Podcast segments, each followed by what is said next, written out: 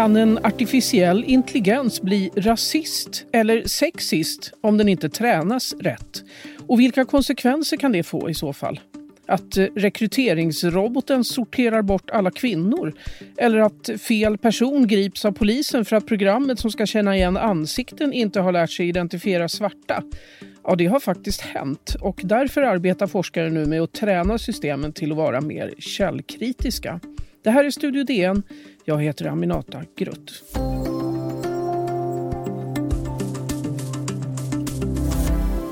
Ja, idag handlar Studio DN om så kallad artificiell intelligens och hur det kan gå om man matar en sån med data som kan göra den fördomsfull.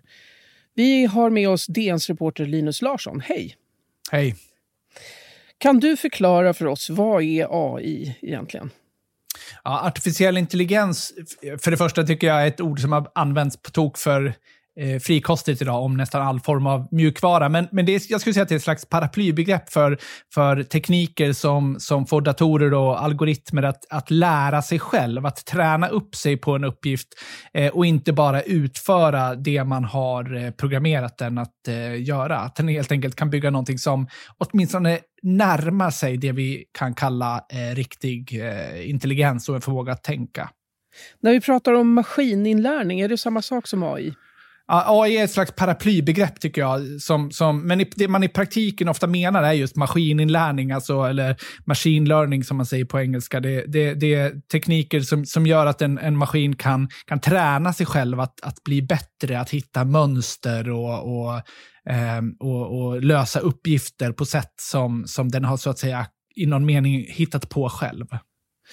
Du nämnde det att det pratas mycket om AI. Har vi väldigt höga förväntningar på AI och vad den kan åstadkomma för någonting?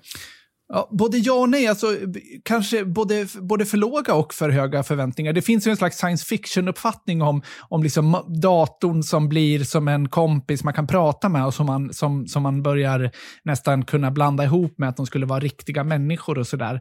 Eh, och, och det är väldigt, väldigt långt bort. Eh, men, men eh, däremot så kan den här tekniken, den här tekniken har tagit otroliga steg eh, inom vissa områden, till exempel bildanalys, att den kan känna igen ansikten och känna igen vad en bild föreställer, eller, eller vissa språkliga funktioner. Inom sådana områden så har den tagit enorma kliv på, på, på, på senare år och klarat vissa uppgifter som många trodde kanske låg årtionden i framtiden. Men, men det betyder inte att vi har liksom en en artificiell superintelligens som, som kan eh, eh, klå människor i vad som helst, att det skulle finnas eh, runt hörnet.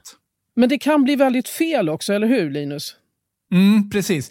Ett område som man har börjat prata om eh, mycket och som jag skrev en artikel om eh, häromdagen eh, är det man kallar bias eh, inom artificiell intelligens. Bias är ett engelskt ord, kan översättas med kanske partiskhet eller, eller förutfattade meningar eller, eller en tendentiösa tolkningar eller någonting sånt. Och det låter ju som just att människor som människor kan vara, eh, ha fördomar och vara rasist och sådär. Men och det handlar inte om att artificiell intelligens kan, kan ha riktiga åsikter, verkligen ha liksom rasistiska åsikter eller sexistiska åsikter. Men det finns ett antal eh, eh, exempel på när artificiell intelligens har, ändå har dragit slutsatser som drar åt det hållet. Och ett klassiskt exempel för, var för ett par år sedan så skulle Amazon bygga en eh, robot, så att säga, ett, en, en mjukvara, en artificiell intelligens som skulle hjälpa till rekryteringen genom att sålla i eh, meritförteckningar som skickades in av arbetssökande.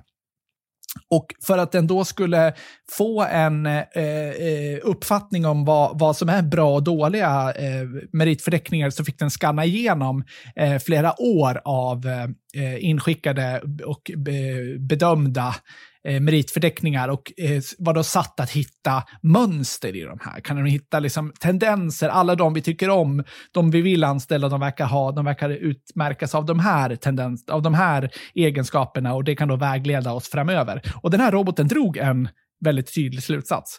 Det var att eh, Amazon vill anställa män.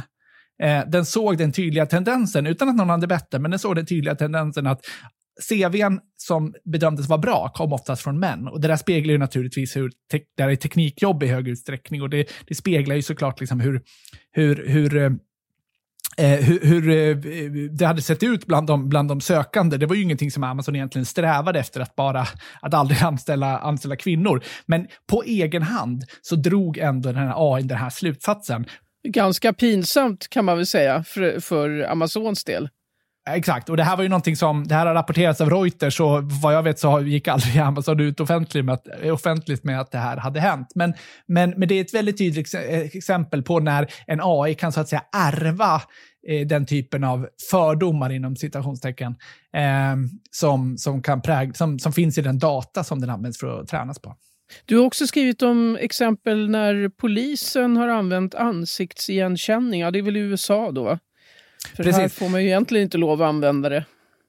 Eh, det finns ganska mycket exempel på när svensk polis, åtminstone på experimentstadium, använder eh, ansiktsigenkänning. Eh, men, men det här exemplet som jag tar upp i texten är från USA. Det är en man som greps misstänkt för en stöld av exklusiva klockor för tusentals dollar. Och det som hade eh, låg bakom det här gripandet var att en, en, bilder från en övervakningskamera eh, hade matats in i en sån här, ett sånt här system för ansiktsigenkänning. Den hade fått en träff på den här mannen och polisen grep honom. Han satt frihetsberövad i 30 timmar. Eh, han eh, missade jobbet, hans dotter kunde inte sova för han kom hem igen. Han blev så att säga friad, men han hade väldigt stora problem. Och det var skriptet. Det var den här ansiktsigenkänningsmjukvaran som hade felidentifierat honom. Den här mannen var eh, afroamerikan och det har konstaterats eh, att de här systemen är ofta sämre. De tar oftare fel när det gäller människor som inte är eh, vita. Och det beror, kan mycket väl bero på att de tränas med material där vita ansikten är väldigt mycket eh, vanligare. Så att de så att säga ärver en, en sån fördom och det kan få väldigt allvarliga konsekvenser. Vi ska prata mer om vad forskarna gör för att förbättra. Kan en AI till exempel lära sig slå larm om den matas med data som kan göra den fördomsfull? Vi är strax tillbaka.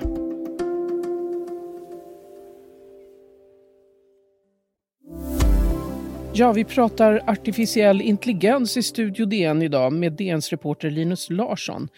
Eh, vad gör forskarna för att förbättra tekniken? Kan en AI lära sig slå larm om den får data som kan göra att den drar fördomsfulla slutsatser?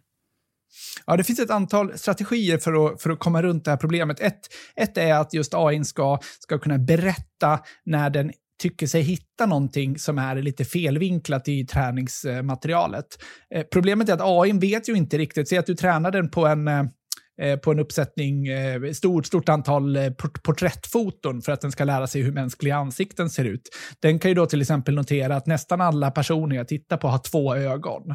Det uppfattar inte vi som ett problem i den databasen, men, men den, kan, den kan notera både det, men också att orimligt många av de här är, eh, har ljus hy till exempel. Och då är frågan om kan, kan, kan AIn slå larm om sådana skillnader, som, sådana tendenser som är problematiska, men inte berätta om precis allt den har hittat? Eller kräver det att en människa kollar igenom alla de här och säger ja, det är okej okay att de flesta människor i den här eh, databasen har två ögon, men det är inte okej okay att nästan alla har väldigt ljus eh, hudfärg. Eh, så att, så att, att, att den ska liksom kunna förhålla sig källkritiskt i någon mening till, till sin egen träningsdata är åtminstone en eh, eh, strategi. En, en annan eh, är att man ska kunna begripa bättre vad den drar för slutsatser. Och här närmar man sig någonting av det jag tycker är mest fascinerande med artificiell intelligens. Det kallas ibland eh, svarta lådan-problemet. Och det är att när en AI väl har tränats upp att eh, på en uppgift, exempelvis att eh, känna igen ansikten, då är det ofta i princip omöjligt att förstå hur den har lärt sig att göra det. Den, vi kan se att den hittar ansikten i foton, men vi kan inte förstå riktigt hur den gör det. Utan vi har liksom kunnat träna upp en, en, en vi har liksom kunnat skapa en maskin som kan lära sig någonting som vi själva inte riktigt förstår. Och det, det, det där tycker jag är bland det mest eh, fascinerande. Och då, då handlar liksom det här att kunna identifiera eventuella farliga sådana här biases, handlar om att bygga dem på ett sätt så att man ändå kan få en större inblick i metodiken. Hur gör de när de tittar på foton och försöker eh, eh, hitta ansikten? Så att, att bygga dem lite mer transparenta, om man säger så. Och det här blir ju ännu viktigare ju, ju allvarligare saker man använder artificiell intelligens för, desto viktigare blir det här. Det, det exemplet med mannen som greps för den här klockstölden, då, då var det, det var ju ett frihetsberövande och för all del, poliserna kunde ha bara varit lite mer försiktiga med slutsatserna som den här mjukvaran drog. Men, men ändå så var det i någon mening att, att han blev gripen på grund av vad en mjukvara sa. Eh, och, och, ju mer vi använder mjukvara överlag och framförallt artificiell intelligens till så känsliga saker så blir det här ännu viktigare. För det finns ju också möjligheter, alltså en, en, ett, ett, en mjukvara kan ju rätt, rätt använd kan ju den fungera väldigt bra för att ta bort liksom mänskliga fördomar ur processen. Kanske kan göra en mycket mer objektiv bedömning och, och, och det kanske finns väldigt mycket att vinna på det även inom liksom rättsskipning och polisarbete och till och med domstolar. Men då måste man ju också kunna veta vad den här typen av beslut eh, bygger på. Ja, även inom medicin finns det stora möjligheter. Röntgenbedömning till exempel. Precis, jag var faktiskt med för ett par år sedan när den första eh, AI-diagnosen, om man säger så, eh, togs i på ett, Stockholms i, eh, på ett, ett, sjukhus i, i Stockholm. Eh, det var då en eh, Eh, ett experiment där man eh, testade eh, frakturer, röntgenplåtar som visade faktur, frakturer, brutna ben. Och man skickade in det i ett sånt bildigenkänningssystem och på samma sätt som ansiktsigenkännings-AI letar efter ansikten så letar den här efter vilken typ av fraktur är det i, i, den, här, i den här foten. Och den, den lyckades ganska bra med att identifiera vilka ben som var brutna och så. Och det här var väl mest ett experiment ska man säga, men man kan tänka sig samma form av eh, eh samma form av eh, screening med, med, hjälp av AI för tumörer till exempel och, och, och annat. Det finns lite blandade signaler om hur bra det där funkar, men det är i alla fall ett område som är väldigt intressant och värt att hålla ögonen på. Vi ska ju inte undvika att ta upp de svåra frågorna här också då som folk säkert har om man funderar över AI och framtiden och så. Filosofen Nick Bostrom Eh, egentligen svensk men har förengelskat sitt namn för att han har varit, eh, eller han har varit i många år vid, i Oxford och är professor i praktisk etik vid något som heter Future of Humanity Institute, eh, kan översättas Institutet för mänsklighetens framtid. Han är en av dem som har varnat för att artificiell intelligens är det största hotet mot mänskligheten som art. Varför då? Precis, och han, jag har själv intervjuat honom på plats i Oxford för ett, för ett par år sedan och han är faktiskt, han, ja, han varnar för att det skulle kunna vara ett av de största problemen. Han säger också att det kan vara ett av de absolut största, en av de absolut största möjligheterna för, för mänskligheten. Så att, så att eh, eh jag rekommenderar alla att eh, ta del av hans tankar inom det här området. Men, men det, finns, det finns, han och eh, många andra lyfter fram den, den, den risken med att den, en skenande eh, hypervälfungerande artificiell intelligens skulle så snabbt eh, kunna accelerera bortom vår kontroll. När vi bygger, en, när vi bygger någon form av AI som eh, Eh, kan göra sig själv smartare så, så blir den, i takt med att den kan göra sig själv smartare, så blir den också bättre på att göra sig själv smartare. Så att man får en, man får en hyperaccelererande artificiell intelligens som ganska snabbt skulle kunna över, överträffa vad, vad någon människa någonsin kommer vara kapabel till i tankeverksamhet. Och då får vi helt enkelt en i någon mening en varelse som, som, som har en sån makt genom sin intelligens och förmåga att, eh, att det skulle kunna medföra faror. Det här är ju, jag ska inte säga science fiction, för det är kloka tankar, men det är ju någonting som ligger väldigt eh, förhållandevis långt i framtiden. Så jag tror inte att folk behöver gå runt och vara rädda för det, men, men jag tycker att det är ett, det är ett område som det, som det är värt att fördjupa sig i, för det, det är om inte annat väldigt, väldigt fascinerande och säkert värt att eh, tänka på.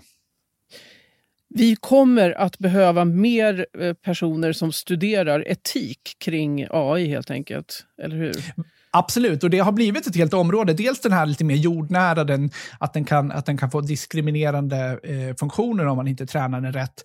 Eh, och eh, ända bort till de här riktiga domedagsvisionerna eh, eh som, som finns i viss, viss tänkande kring det här. Men faktum är att nästan alla som Google och, och, och Facebook och eh, inte minst eh, Googles dotterbolag DeepMind som ligger väldigt långt framme här, nästan alla sådana eh, skaffar någon form av avdelning och policies och allting för etisk utveckling av eh, artificiell intelligens för att man, man ser att det, det, det har visserligen enorma möjligheter och kan betyda väldigt, väldigt mycket positivt för mänskligheten, men det kan också vara förknippat med eh, risker. Så det är på högsta mode att prata AI-etik. Och på gott och ont. Tack så mycket Linus Larsson, DNs reporter.